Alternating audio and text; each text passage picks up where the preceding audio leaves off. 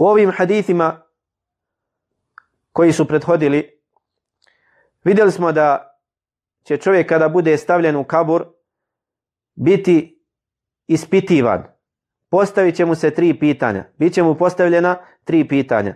Ko je tvoj gospodar? Koja je tvoja vjera? I ko je tvoj poslanik kojeg si slijedio? I odgovor na ova tri pitanja nije nešto što se može naučiti na pamet i onda, i onda dati odgovor kada mu budu, bude, kada mu budu pitanja postavljena. Nego to je ono što čovjek mora da kaže na dunjalu dok je živ i da radi po tome. I da radi po tome. I da bude čvrsto ubijeđen u istinitost i ispravnost toga. Pa kada ga upitaju ko je njegov gospodar, mora da zna da je njegov gospodar Allah subhanahu wa ta'ala. Gospodar njegov i gospodar svih svjetova. I sve što je na zemlji i u nebeskim prostranstvima biva Allahovim htjenjem i u njegovoj je vlašću i u njegovoj je vlasti. Njemu se predaju milom ili silom i oni koji su na nebesima i oni na zemlji i svi ljudi će njemu biti vraćeni uzvišenom Allahu subhanahu wa ta'ala. Znači Allah subhanahu wa ta'ala je naš stvoritelj i stvoritelj svega što postoji.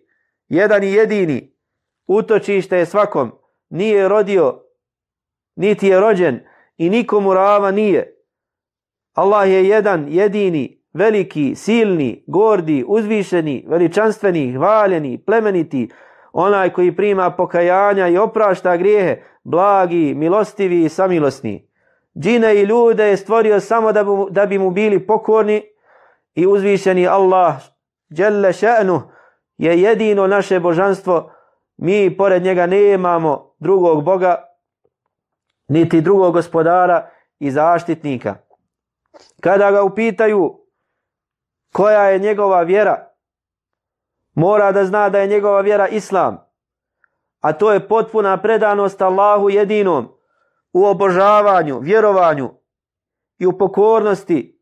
Islam je potpuna čistoća i odricanje od širka, mnogoboštva i idolatrije, i njegovih sljedbenika i temelji se na vjerovanju uzvišenog Allaha, njegove meleke, objavljene knjige, poslanike, sudnji dan i Allahu određenje, sudbinu bila dobra po nas ili ne.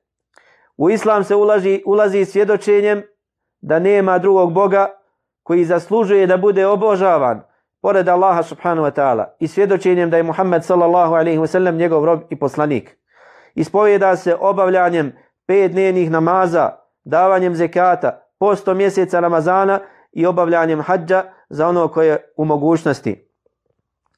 I Islam je vjera sa kojom je uzvišeni Allah subhanahu wa ta'ala zadovoljan i neće primiti drugu vjeru ni od prvih ni od posljednjih ومن يبتغي غير الاسلام دينا فلن يقبل منه وهو في الاخره من الخاسرين onaj koji bude želio drugu vjeru mimo islama neće mu biti primljena i on će na drugom svijetu biti od propalih.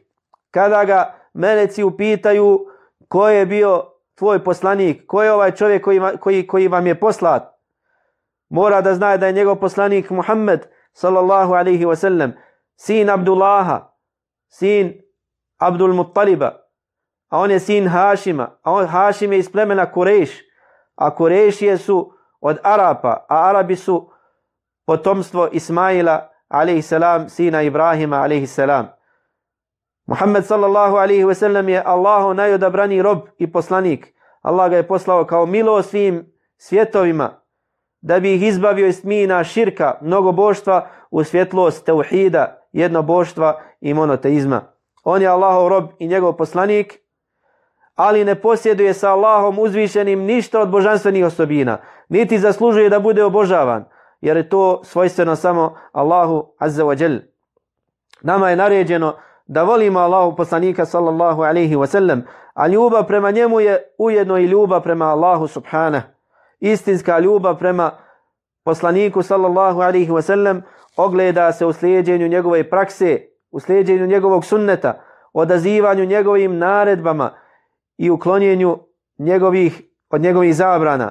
I da Allaha subhanahu wa ta'ala ne obožavamo osim onako kako nam je on to propisao i pojasnio i niko od nas neće biti potpuni vjernik dok ne bude volio Rasulullah sallallahu alaihi wasallam više od svojih roditelja, djece i metka, svih ljudi, pa čak više i od samog sebe, neka je na njega najpotpuniji Allahu salavat i selam.